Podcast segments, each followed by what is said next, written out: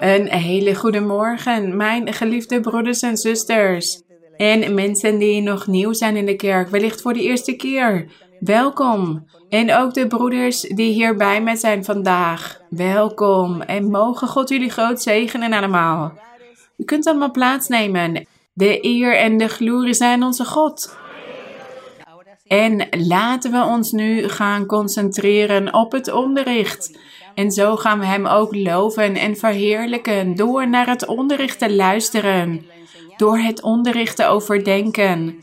Dat wat God de apostel Paulus had onderwezen en hij had het opgeschreven. En vandaag, met de hulp van de Heilige Geest, kunnen wij dit overdenken. Dit prachtige woord, deze geloofsleer van het pure evangelie van onze Heer Jezus Christus, de glorie en de eer zij aan Hem. Laten we de Bijbel openen in de tweede brief aan de Thessalonicensen. We gaan hoofdstuk 2 lezen. En mijn excuses alvast, want wellicht zullen we vandaag iets langer bezig zijn. Maar we gaan hier het woord van de Heer overdenken. En we hebben het de vorige keer gehad over de wederkomst van de Heer Jezus Christus op de wolken. En hier in de tweede brief van de Thessalonicensen, hoofdstuk 2, vers 1 staat. En wij vragen u dringend, broeders, met betrekking tot de komst van onze Heer Jezus Christus en onze vereniging met Hem, dat u niet snel aan het wankelen wordt gebracht of verschrikt, niet door een uiting van de geest, niet door een woord en ook niet door een brief die van ons afkomstig zou zijn, alsof de dag van Christus al aangebroken zou zijn. De apostel Paulus benadrukte hier dat niemand zich moest laten bedriegen. Dat als er iemand zou komen en dat die persoon zou zeggen: Ja, ik heb de geest van God en ik weet op welke dag de Heer zal komen en ik weet precies op welke datum. Dan moesten ze die persoon niet geloven. Of als iemand het in een brief zou schrijven een bepaalde datum, want zo horen wij dat soms. Wij horen dit soms op tv of op de radio, dat er mensen zijn die zeggen dat ze de datum weten van de voleinding van de wereld, van de eindtijd. Maar dit is een leugen, want we lezen in de Bijbel dat de Heer Jezus zal komen als een dief in de nacht. Hij zal zijn komst niet aankondigen. En daarom moeten wij ons niet laten bedriegen. Vandaag de dag ook niet. Als iemand komt met een specifieke datum. Dat op die dag de Heer Jezus Christus op de wolken zal komen. Daarom moeten we altijd voorbereid zijn in ons geestelijk leven. Want op welk moment dan ook kan de Heer komen. Of wellicht overvalt de dood ons, maar daarom moeten wij klaar zijn om uiteindelijk de Heer te mogen ontvangen in de wolken. Vers 3. Laat niemand u op enigerlei wijze misleiden, want die dag komt niet, tenzij eerst de afval gekomen is en de mens van de wetteloosheid, de zoon van het verderf, geopenbaard is. En dit vers heeft veel controverse teweeggebracht. Want mensen vragen zich af: wat is die afval? En wat is die mens? Wie is die mens van de wetteloosheid? En wie is die zoon van het verderf? En deze brief was zo'n 2000 jaar geleden geschreven. En de Heer Jezus had ook al geprofeteerd over de val van Jeruzalem. En dat de tempel verwoest zou worden. In die tijd bestond de tempel van de Joden, de tempel van het volk van de Heer in die tijd. En de Heer was het die de vernietiging van de tempel aankondigde. En hij zei dat er geen steen op steen zou blijven staan. En de apostel Paulus hier ook. God had het hem ook geopenbaard. Dat dat zou gebeuren. Dat de mens van de wetteloosheid geopenbaard zou worden. En ja, de duivel zou alle overheden gebruiken. Vele overheden. In die tijd was het het Romeinse Rijk dat heerste. En zij geloofden niet in het evangelie van de Heer Jezus Christus. Dat waren vreemde landen, heidense landen, met afgodendienaars. Zij waren heidens. En deze openbaring van de mens van de wetteloosheid, als we naar de geschiedenis kijken, en als we in Daniel lezen, vandaag kunnen we niet in het boek van Daniel lezen, want daar hebben we niet genoeg tijd voor. Maar hij profiteerde ook over deze tijd, dat de, over die tijd van het Romeinse Rijk, van de keizers. En wat zij allemaal zouden doen. Zij verwierpen alle dingen van God en zij deden zichzelf voor als God. En mensen moesten hen vereren als goden. En over hen heeft apostel Paulus het dat de afval zou komen. En de mens van de wetteloosheid, de zoon van het verderf. En hier staat in vers 4. Hier wordt hij ook wel de tegenstander genoemd. Hier staat die zich ook verheft boven al wat God genoemd of als God vereerd wordt. Zodat hij als God in de tempel van God gaat zitten en zichzelf als God voordoet. Als wij naar de geschiedenis kijken, wij kennen wellicht de geschiedenis van het Romeinse Rijk. En dan zullen we erachter komen dat die keizers in die tijd, dat zij een troon hadden en dat mensen voor hen moesten komen om hen te aanbidden als goden. Zij voelden zich groter dan God. En daarom achtervolgden zij ook de christenen, de volgelingen van het evangelie van de Heer Jezus Christus. Vers 5. Herinnert u zich niet dat ik u deze dingen zei toen ik nog bij u was? Dit zei de apostel Paulus tegen de Thessalonicensen. Hij zei: Ik heb jullie dit al onderwezen toen ik bij jullie was. Vers 6. En u weet wat hem nu weerhoudt. Wie weerhoudt hij? En wie weerhoudt wie? Dus iemand weerhoudt die volledige vervolging van de christenen, van de volgelingen van de ware God. Die tijd, 2000 jaar geleden en ook vandaag de dag nog, is er iemand die dat weerhoudt. Al het werk wat de duivel zou willen doen. Want de duivel zou wel de kerk willen vernietigen, compleet willen vernietigen en de naam van God van de aarde laten verdwijnen. Dat zou hij willen. En daarom heeft hij de mensheid vervuld met filosofieën, geloof, bijgeloof, om mensen af te laten wijken van het bestaan van God. Dat mensen God niet zoeken, dat mensen de weg van God niet volgen. Dat is de vervolging die de duivel al meer dan 2000 jaar geleden doet. Sinds het evangelie is begonnen, het evangelie van de Heer Jezus Christus, achtervolgt de duivel de volgelingen van het evangelie om ervoor te zorgen dat mensen niet geloven in die onzichtbare God, die God in waarheid en geest, maar dat mensen juist zouden geloven in andere mensen en in afgoden.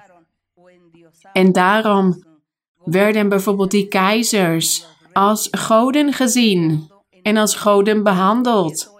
Dat is wat de duivel heeft gedaan. En toen zijn er generaties voorbij gegaan, vele jaren.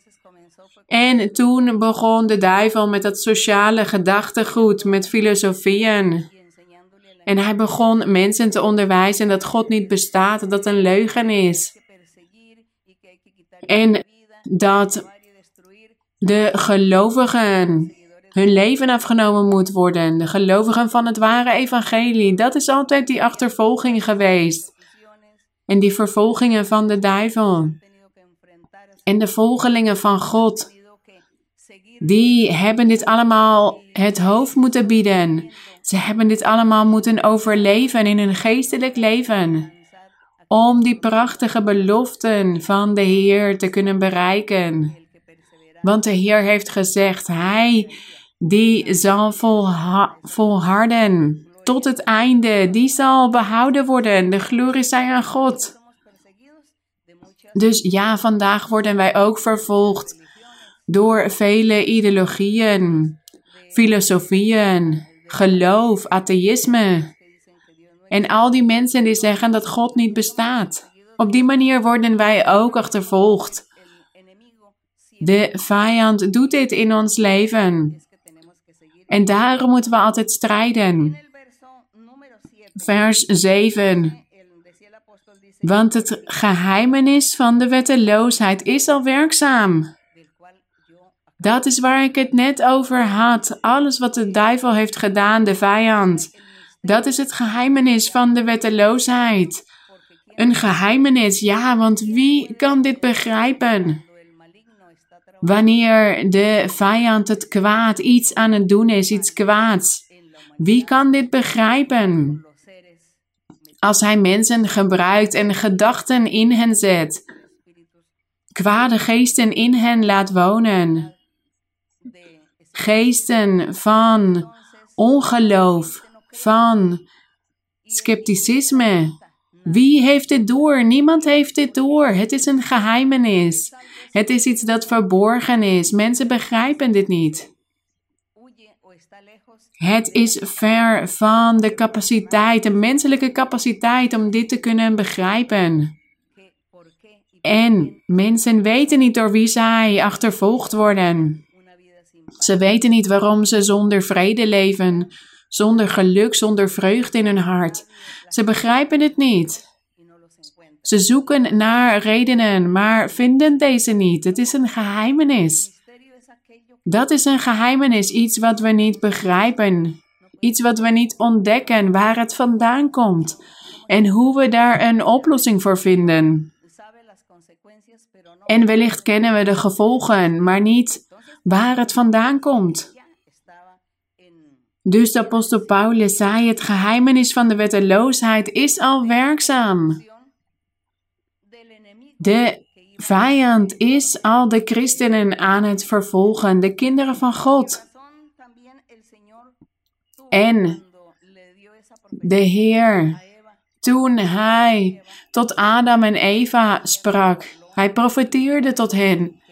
En toen zij ongehoorzaam waren geweest, toen zij hadden gezondigd en van de vrucht van de boom hadden gegeten, God begon toen een straf over hen uit te roepen. Hij zei tegen Adam: Met zwoegen zult u van de aardbodem eten.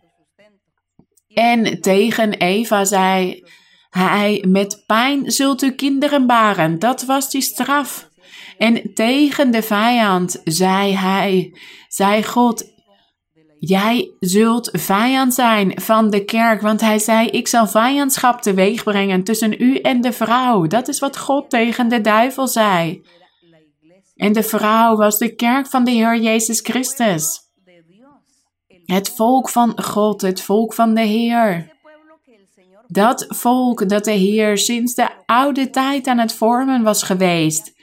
En hij had dat volk altijd bewaard de essentie ervan in het overblijfsel van het volk van Israël, zodat op een gegeven moment de verlosser, de zaligmaker hieruit voort zou komen. En toen is de kerk begonnen. Dat ware volk, dat geestelijke volk, een trouw volk dat God zou zoeken in geest en waarheid. En dit was dus allemaal vervuld met de komst van de Heer Jezus Christus. En ook met dat overblijfsel van het volk van Israël, dat God had bewaard. En toen de Heer zijn volk begon te vormen, begon ook de vijand te werken. En hij is ook al meer dan 2000 jaar bezig, deze vijand. Hij is die vijand geworden van die vrouw, van de kerk. Want dat is wat God had gezegd. Ik zal vijandschap teweeg brengen tussen u en de vrouw.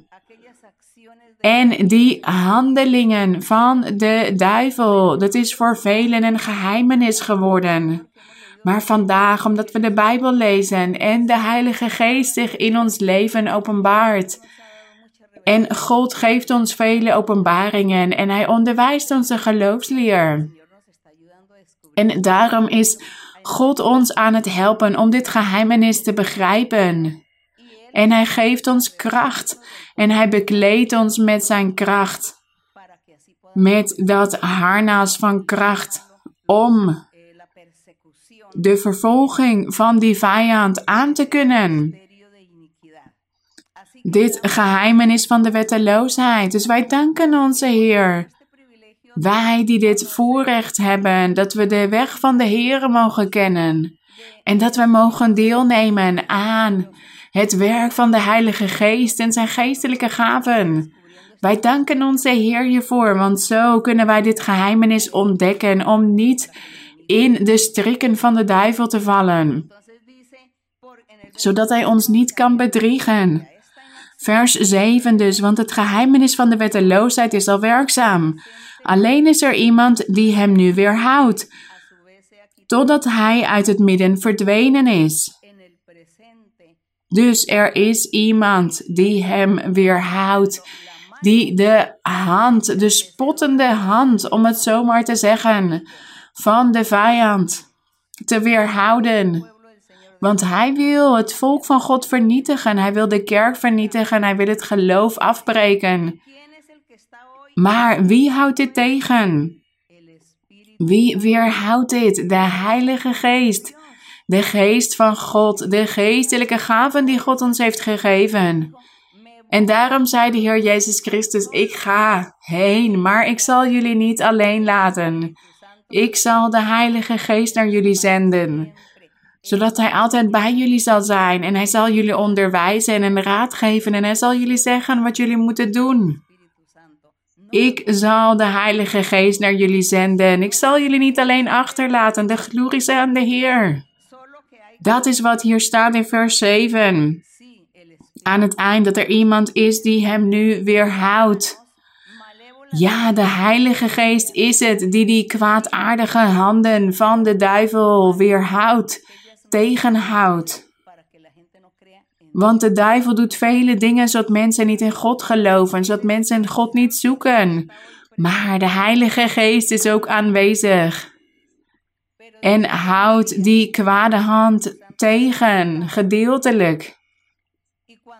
Maar Wanneer de kerk met de Heer zal opvaren in de wolken, zal ook de Heilige Geest opvaren en dan zal de wereld alleen overblijven, zonder God, zonder Heilige Geest, zonder hoop.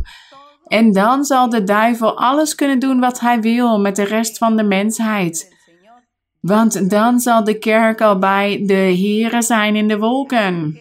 En ook de Heilige Geest zal dan opvaren met de kerk zodat we allemaal bij de Here zijn. En hier op de aarde degenen die niet hebben willen geloven in God, die Hem niet hebben willen eren, die Hem niet hebben willen aannemen, die Hem niet hebben willen loven, die zullen hier op de aarde blijven. Tot het eindoordeel waar we in openbaring over lezen. En zij zullen dan in de handen van de duivel overgelaten worden. Vers 8. En dan zal de wetteloze geopenbaard worden. De Heere zal hem verteren door de geest van zijn mond en hem teniet doen door de verschijning bij zijn komst.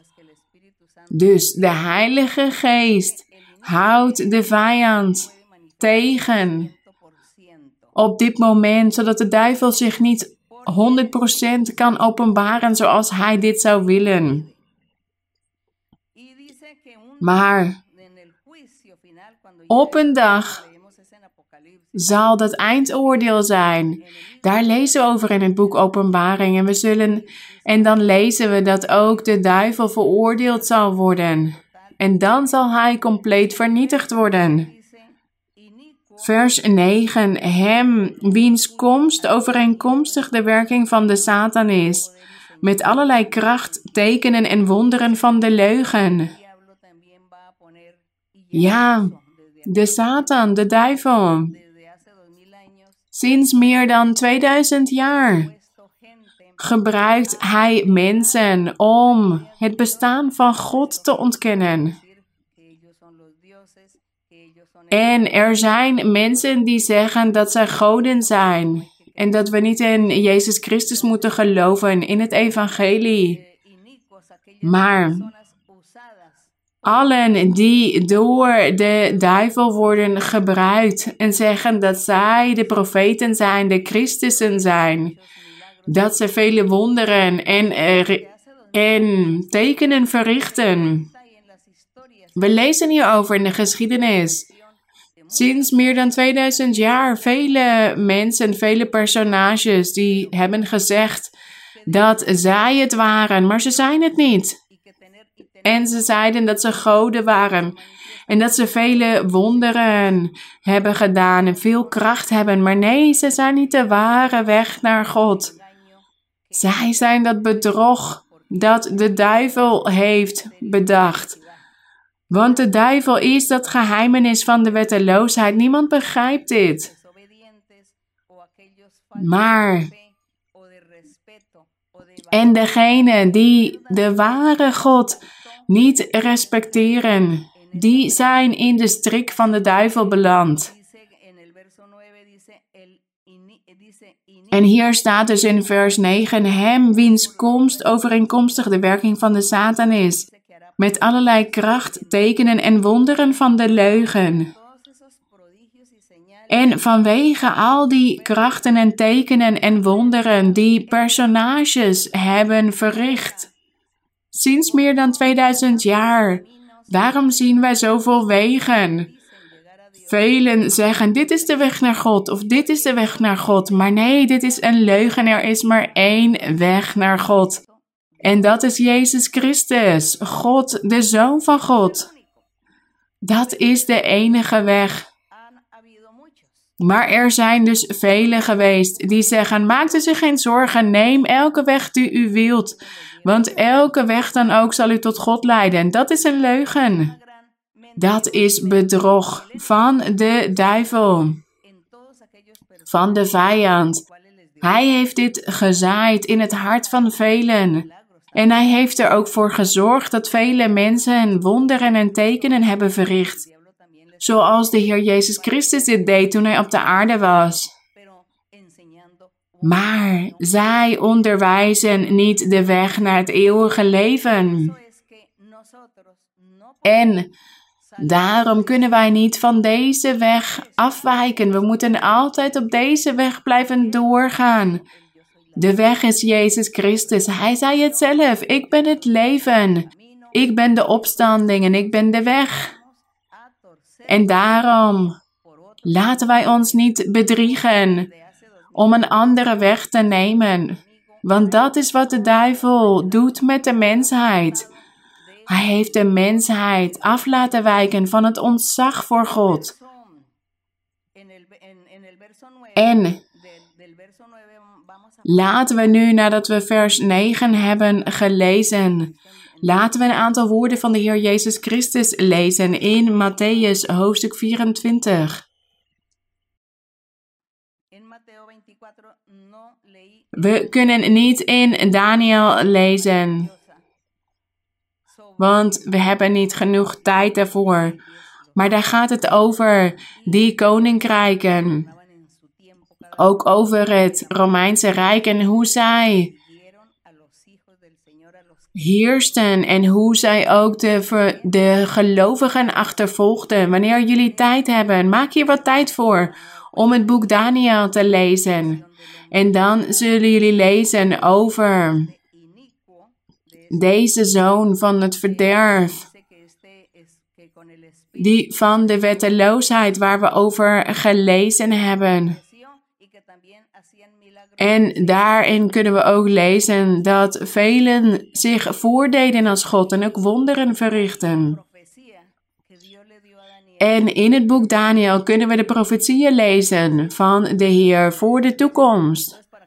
Dus lees Daniel maar wanneer jullie daar tijd voor hebben. Nu gaan we naar Matthäus, het Evangelie volgens Matthäus, hoofdstuk 24.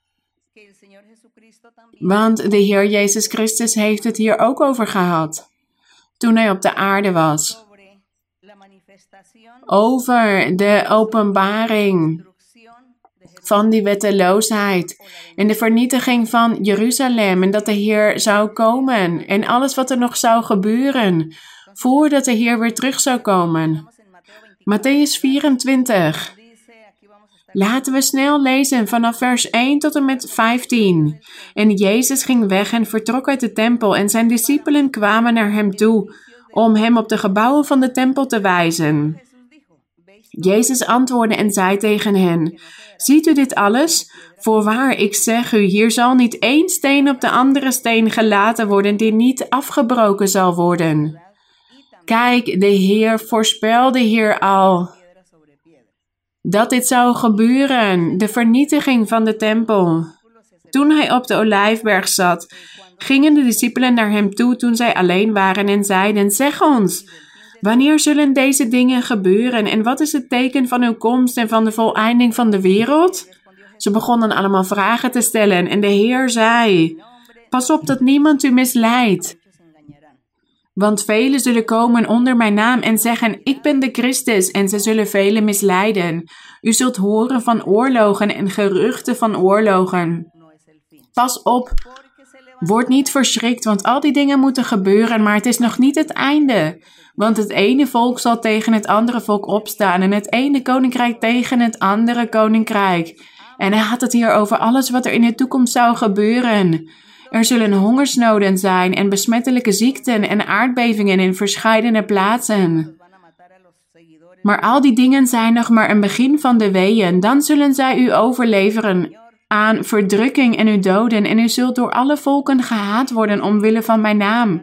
En dan zullen er velen struikelen en ze zullen elkaar overleveren en elkaar haten. En er zullen veel valse profeten opstaan en die zullen er velen misleiden. En dit is waar.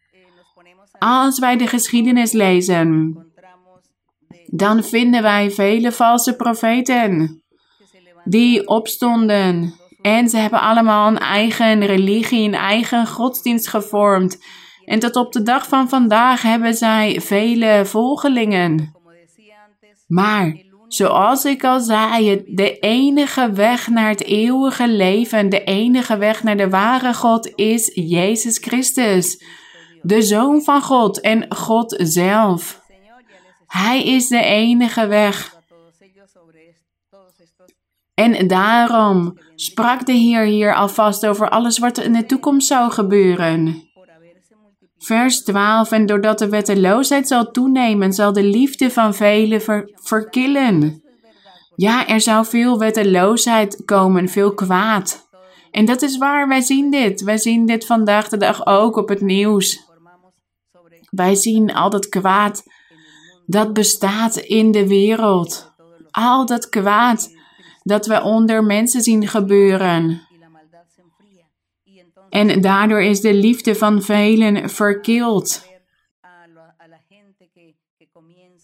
En er zijn mensen die dan de Bijbel beginnen te lezen en God beginnen te zoeken.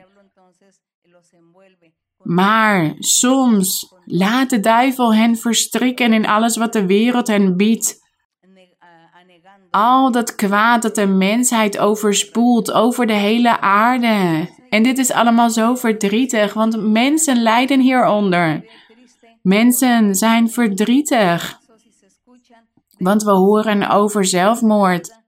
Over hoe mensen hun leven afnemen omdat ze niet gelukkig zijn, omdat ze geen vrede hebben in hun hart.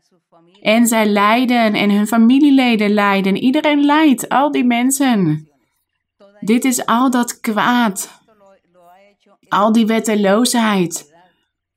Dit is het geheimenis van de wetteloosheid. Voor velen is dit een geheimenis, maar wij kennen zijn werk, het werk van de duivel, en daarom strijden wij.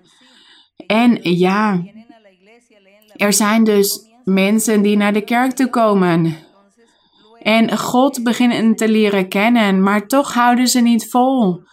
Want ze houden liever vast aan het genot dat de wereld hen biedt. Dat heeft meer kracht over hen. Dus ja, zij verkillen dan.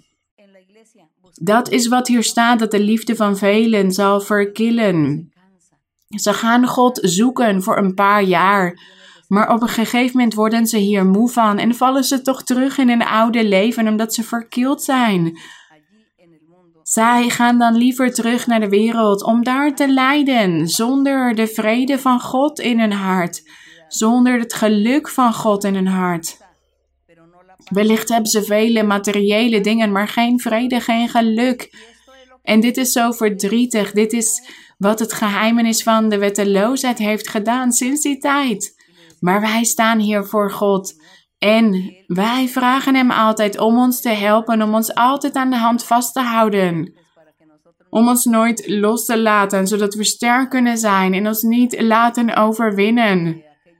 Door al die dingen die soms zo schitteren in de wereld, al die dingen die zo prachtig lijken. Mogen God ons hiervoor behoeden.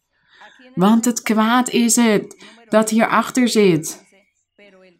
Vers 13. Maar wie volharden zal tot het einde, dus tot de dag van zijn dood, of tot de dag dat de Heer zal komen op de wolken, die zal zalig worden. Wie volharden zal, die zal het eeuwige leven ontvangen. En dit evangelie van het koninkrijk zal in heel de wereld gepredikt worden. De Heer heeft dit geprofiteerd. Dat zijn evangelie in heel de wereld gepredikt zal worden. En dit is nog niet gebeurd. Niet de hele wereld heeft het evangelie al ontvangen. En hier staat tot een getuigenis voor alle volken en dan zal het einde komen. Vers 15. Hier staat, wanneer u dan de gruwel van de verwoesting zult zien staan op de heilige plaats. De Heer Jezus was op dit moment aan het spreken tot de discipelen en degenen die naar hem aan het luisteren waren. En hij had dus verteld wat er allemaal zou gebeuren voordat hij terug zou komen. En in vers 15 zegt hij dan: Dus wanneer u dan de gruwel van de verwoesting, waarvan gesproken is door de profeet Daniel, zult zien staan op de heilige plaats. En wat was die heilige plaats? De tempel. In die tijd was het de tempel van de Joden in Jeruzalem. Die tempel hield op te bestaan als tempel van God toen de Heer Jezus Christus op het kruis van Golgotha stierf en op de derde dag opstond uit de dood. De Heer was die tempel van God en toen hij uit de dood opstond, werd de wet van Mozes teniet gedaan en ook de fysieke tempel. Laten we gedenken dat de Heer dit tegen de Samaritaanse vrouw had gezegd. Ik herhaal dit vaak, maar dit is voor de mensen die nieuw zijn, niet voor de mensen die de kerk al lang kennen. Zij zullen ondertussen leraars en leraressen worden, maar voor de mensen die nieuw zijn. De Heer zei tegen de Samaritaanse vrouw: De dag zal komen dat niet op deze plek, niet in Samaria en ook niet in Jeruzalem, God aanbeden zal worden. Niet in een fysieke tempel, want God is geest. En Hij zoekt aanbidders in geest en waarheid. Want God is geest. En daarom toen de Heer op de derde dag opstond uit de dood. Daarom had de tempel in Jeruzalem geen waarde meer vanaf dat moment, geen geestelijke waarde. Het was niets meer waard voor God. En de Heer had ook een oorlog aangekondigd. Dat de tempel vernietigd zou worden. En dat is die gruwel van de verwoesting, waarvan gesproken is door de profeet Daniel. Dat kunnen we lezen in Daniel hoofdstuk 12. Lees dat maar. Daar gaat het over de verwoestende gruwel. Dat was dat de tempel van Jeruzalem vernietigd zou worden. Dat is ook gebeurd in die tijd. Want als we de geschiedenis lezen, dan zien we dat Jeruzalem vernietigd werd in de tempel tot op de dag van vandaag. Die tempel is nooit meer opgebouwd en God heeft zich daar nooit meer geopenbaard. Want God heeft nu een geestelijke tempel in het hart van elke man en vrouw die Hem zoekt. Ten eerste is de Heer Jezus Christus die tempel. En daarna ook het hart van al zijn volgelingen. Gezegend zij de Heer, een geestelijke tempel. Vers 15 dus. Op die heilige plaats, daar zult u dan de gruwel van de verwoesting zien. Dat was die oorlog dat de tempel vernietigd zou worden en de stad verbrand. Hier staat, laat hij die het leest, daarop letten. Dit staat in Daniel 9, 27. Hoofdstuk 11, vers 31 en hoofdstuk 12, vers 11 voor degene die dit wil lezen. De Heer had die oorlog voorspeld. Hij had het aangekondigd. En hier staat in vers 16: Laten dan zij die in Judea zijn vluchten naar de bergen. Wie op het dak is, moet niet naar beneden gaan om iets uit zijn huis te halen. En wie op de akker is, moet niet terugkeren naar wat hij achterliet om zijn kleren te halen. Hier gaat het over de verwoestende gruwel waar de profeet Daniel over het over had gehad. En ook de Heer Jezus Christus herhaalde dit. Alles wat er zou gebeuren. En wij leven nu meer dan 2000 jaar later en vele dingen zijn er gebeurd in de wereld. Maar wij staan hier voor Gods aangezicht. Wij danken Hem hiervoor. In Zijn aanwezigheid. En Hij wil dat wij ons beschermen tegen die kwade handen van de vijand. Want Hij gebruikt vele dingen om ons te vernietigen, om ons te verwoesten. Maar we hebben de Heilige Geest, de Geest van God in ons midden om ons te beschermen. En laten we nu weer teruggaan naar 2 Thessalonicensen hoofdstuk 2 vers 9. Laten we nog een keer dit vers lezen. Hem wiens komst overeenkomstig de werking van de Satan is. Met allerlei kracht, tekenen en wonderen van de leugen en met allerlei misleiding van de ongerechtigheid. Dit waren al die valse profeten, valse Christussen die hun eigen godsdienst hebben gevormd. Vers 10 dus. En met allerlei misleiding van de ongerechtigheid in hen die verloren gaan, omdat zij de liefde voor de waarheid niet aangenomen hebben om zalig te worden. En daarom zal God hun een krachtige dwaling zenden, zodat zij de leugen geloven wat verdrietig. Deze straf van God voor al die mensen die over het evangelie hebben gehoord sinds meer dan 2000 jaar. En zoveel wonderen en tekenen heeft de Heer verricht. Zoveel mensen zijn er getuigen geweest van de kracht van God. En vele mensen die ook jaren bij de kerk hebben gehoord. Het is zo verdrietig dat zij dan ineens terugvallen in hun oude leven, dat ze ontmoedigd zijn geraakt, lui zijn geworden. En dat ze de weg van God niet meer willen volgen. En dat betekent dus dat zij de waarheid niet aangenomen hebben, de liefde voor de waarheid. En daarom kunnen zij niet zalig worden. En hier staat dat God hun een krachtige dwaling heeft gezonden, zodat zij de leugen zouden geloven. Dit is voor de opstandigen, de ongelovigen. Degenen die niet door willen gaan, die niet willen strijden. Die niet de moeilijkheden willen overwinnen uit liefde voor God. God heeft er zelf voor gezorgd dat zij bedrogen worden, dat ze de leugen geloven. Maar daarom kunnen zij niet zalig worden en daarom is dit verdrietig.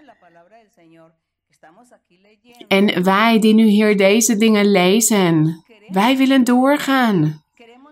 Wij willen doorgaan op deze weg van de Heer. En wij zeggen tegen de Heer: Help ons, wees barmhartig. Laat onze hand nooit los. Help ons om dit alles de, het hoofd te bieden, om dit te kunnen weerstaan. Al die moeilijkheden die de vijand voor ons neerlegt, om hierover te vallen, om te struikelen, om ontmoedigd te raken. Wij vragen de Heer altijd om zijn hulp en daarom bidden we altijd, zonder ophouden. Wij zeggen altijd, Heer, help ons om door te gaan. Geef ons kracht om uw weg te blijven volgen. Om uw wil te blijven doen. Dat moet altijd een deel van ons gebed zijn.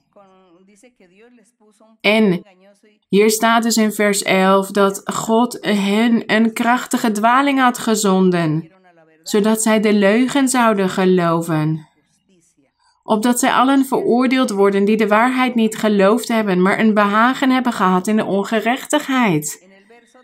Vers 13. Maar wij moeten God altijd voor u bedanken, broeders, die geliefd bent door de Heere, dat God u van het begin verkoren heeft tot zaligheid. Ja, God heeft ons ook verkoren tot zaligheid. In heiliging door de geest en geloof in de waarheid.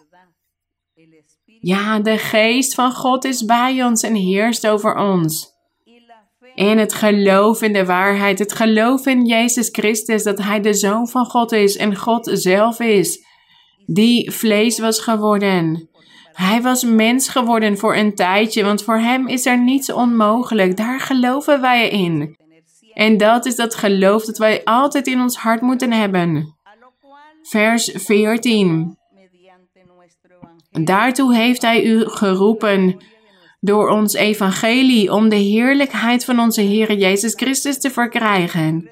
Sta dan vast, broeders, en houd u aan de overleveringen waarin u onderwezen bent. Dus als ons geloofsleer wordt onderwezen, moeten wij hier aan vasthouden. Wij moeten dit opslaan in onze concepten, in onze mentaliteit, in ons hart, in ons geweten. Wij moeten hier aan vasthouden. Om dit zelf te beoefenen in ons leven en ook anderen te kunnen onderwijzen. Vers 16. En onze Heere Jezus Christus zelf en onze God en Vader, die ons heeft liefgehad en ons een eeuwige troost en goede hoop gegeven heeft uit genade, mogen uw harten vertroosten. Dus wij moeten vaststaan op deze weg van de Heer en vasthouden aan de geloofsleer. Vers 17, zodat Hij ons hart kan vertroosten. Mogen Hij uw harten vertroosten en u in elk goed woord en werk versterken. Hij versterkt in ons zijn geloofsleer, zijn beloften, alles wat Hij voor ons heeft gedaan en wat Hij ons heeft beloofd. Laten wij daarvan leven. Laten we altijd doorgaan.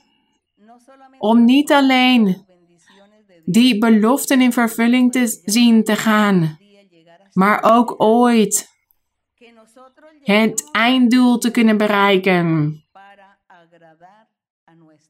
Als wij onze God altijd blijven behagen en door blijven gaan, zullen wij uiteindelijk het eeuwige leven mogen ontvangen. Dus mijn geliefde broeders en ook degenen die nieuw zijn in de kerk, lees de Bijbel. En als jullie al de Bijbel hebben gelezen, blijf die dan lezen.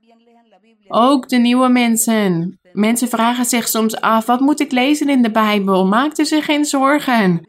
We moeten de hele Bijbel lezen. En niet één keer, maar vaak. Blijven lezen, altijd blijven lezen. We kunnen nooit moe worden van de Bijbel. Want God is geest.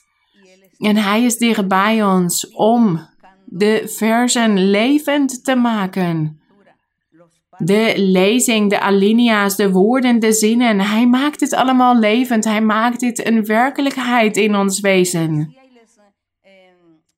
En ik gaf de broeders ook raad dat, ja, mensen zeggen nog dat de pandemie nog steeds bestaat. Als we naar het nieuws kijken, dan wordt er nog steeds over gesproken. Maar we zien dat de wereld moe is geworden van alle beperkingen. En vele beperkingen worden al opgeheven of zijn al opgeheven. Dus dit is mijn raad. Kom weer samen in de kerk van God. Ministerieel van Jezus Christus Internationaal. Want als jullie profetie willen ontvangen, moeten jullie naar de kerk toe komen. En er waren een aantal mensen van de katholieke kerk die mij schreven. En mij vroegen, moeten wij dus weer teruggaan naar de katholieke kerk? Moeten wij daar samenkomen? Nee, als u in die kerk samenkwam en nu onze onderrichten aan het luisteren bent, dan feliciteer ik u. Want dan hebt u nu de ware weg leren kennen. Maar daarom zeg ik u, kom dan samen in de kerk van God ministerieel van Jezus Christus Internationaal. Want dan kunt u profetie ontvangen en mensen kunnen u de handen opleggen en tot God bidden voor u. En u kunt ook zelf de doop met de Heilige Geest ontvangen en zelf God gaan dienen. Waarom niet? Ja, zoek dan God in geest en waarheid in zijn ware kerk. Mogen God u allemaal groot zegenen. Laten we gaan bidden tot de Heer. Heilige Vader, grote koning, koning vol barmhartigheid en genade, wij danken u, mijn Heer, ware koning. Wij danken u dat u ons uw weg hebt laten leren kennen. Wij zijn bevoorrecht, mijn Heer, dat u naar ons hebt omgekeken, dat u ons hebt gezocht, dat u ons hebt gevonden, dat u ons naar uw weg hebt gebracht, voor uw aanwezigheid, voor uw aangezicht dat wij uw prachtige geloofsleer mogen kennen. Wij danken u hiervoor, mijn Heer, want wij hebben genoten van uw zegeningen, van uw liefde en wij zijn hiervan aan het genieten, van uw beloften. Die prachtige woorden die wij in vervulling hebben zien komen in ons leven en wij genieten van die vrede en het geluk dat alleen u kunt geven. Wij danken u, mijn Heer. Want wij hebben nergens gebrek aan. Met u hebben we alles, mijn Heer. Wij hebben geluk, vreugde, blijdschap, ook materiële zegeningen. Want u opent die deuren voor ons van materiële zegeningen voor de kinderen die van u houden. Wij danken u voor uw liefde, voor uw barmhartigheid. En op dit moment, mijn Heer, bid ik tot u voor al die mensen die ziek zijn. Er zijn zoveel mensen die ziek zijn, mensen die nieuw zijn in de kerk of wellicht voor de eerste keer meekijken. Zij hebben ook behoeften, noden. Ze zijn wellicht ziek, ze hebben hartverlangen, ze hebben verzoeken voor u. Heer, ik vraag u om uw hand uit te strekken over hen allen en hen te zegenen. Genees, neem alle ziekten weg, genees mijn Heer. Genees al die lichamen die ziek zijn vanwege fysieke ziekten.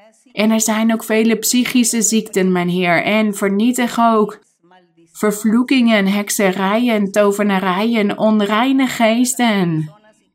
Die mensen vastbinden in hun geestelijk leven en die niet toestaan dat ze normaal kunnen nadenken, normaal kunnen handelen. Want die kwade geesten zorgen ervoor dat ze niet bij hun gezonde verstand kunnen zijn. Bevrijd zegen. Ook degenen die in een rolstoel zitten, degenen die op bed liggen en niet kunnen lopen, degenen die niet kunnen spreken, degenen die niet kunnen horen. Zoveel ziekten, zoveel beperkingen zijn er in het menselijk lichaam. Wees barmhartig, mijn Heer, in de naam van uw Zoon, de Heer Jezus Christus.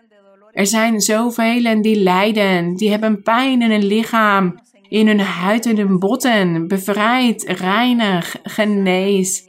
Want u bent krachtig, u bent onze goddelijke dokter. Bevrijd en help iedereen. Wij danken u dat u ons gebed verhoort. Wij danken u, mijn Heer, zegen alle broeders en zusters en ook degenen die voor de eerste keer zijn, mensen die nieuw zijn in de kerk, zegenen allemaal. Geef hen vrede, geluk en vreugde. We danken in de naam van Christus Jezus. Amen. Gezegend en geprezen zij de naam van onze Heer. Bedankt, mijn geliefde broeders en zusters. Een groet voor jullie allemaal. En ook voor de kinderen. Mogen God jullie maar groot zegenen. En tot binnenkort. Dank jullie wel.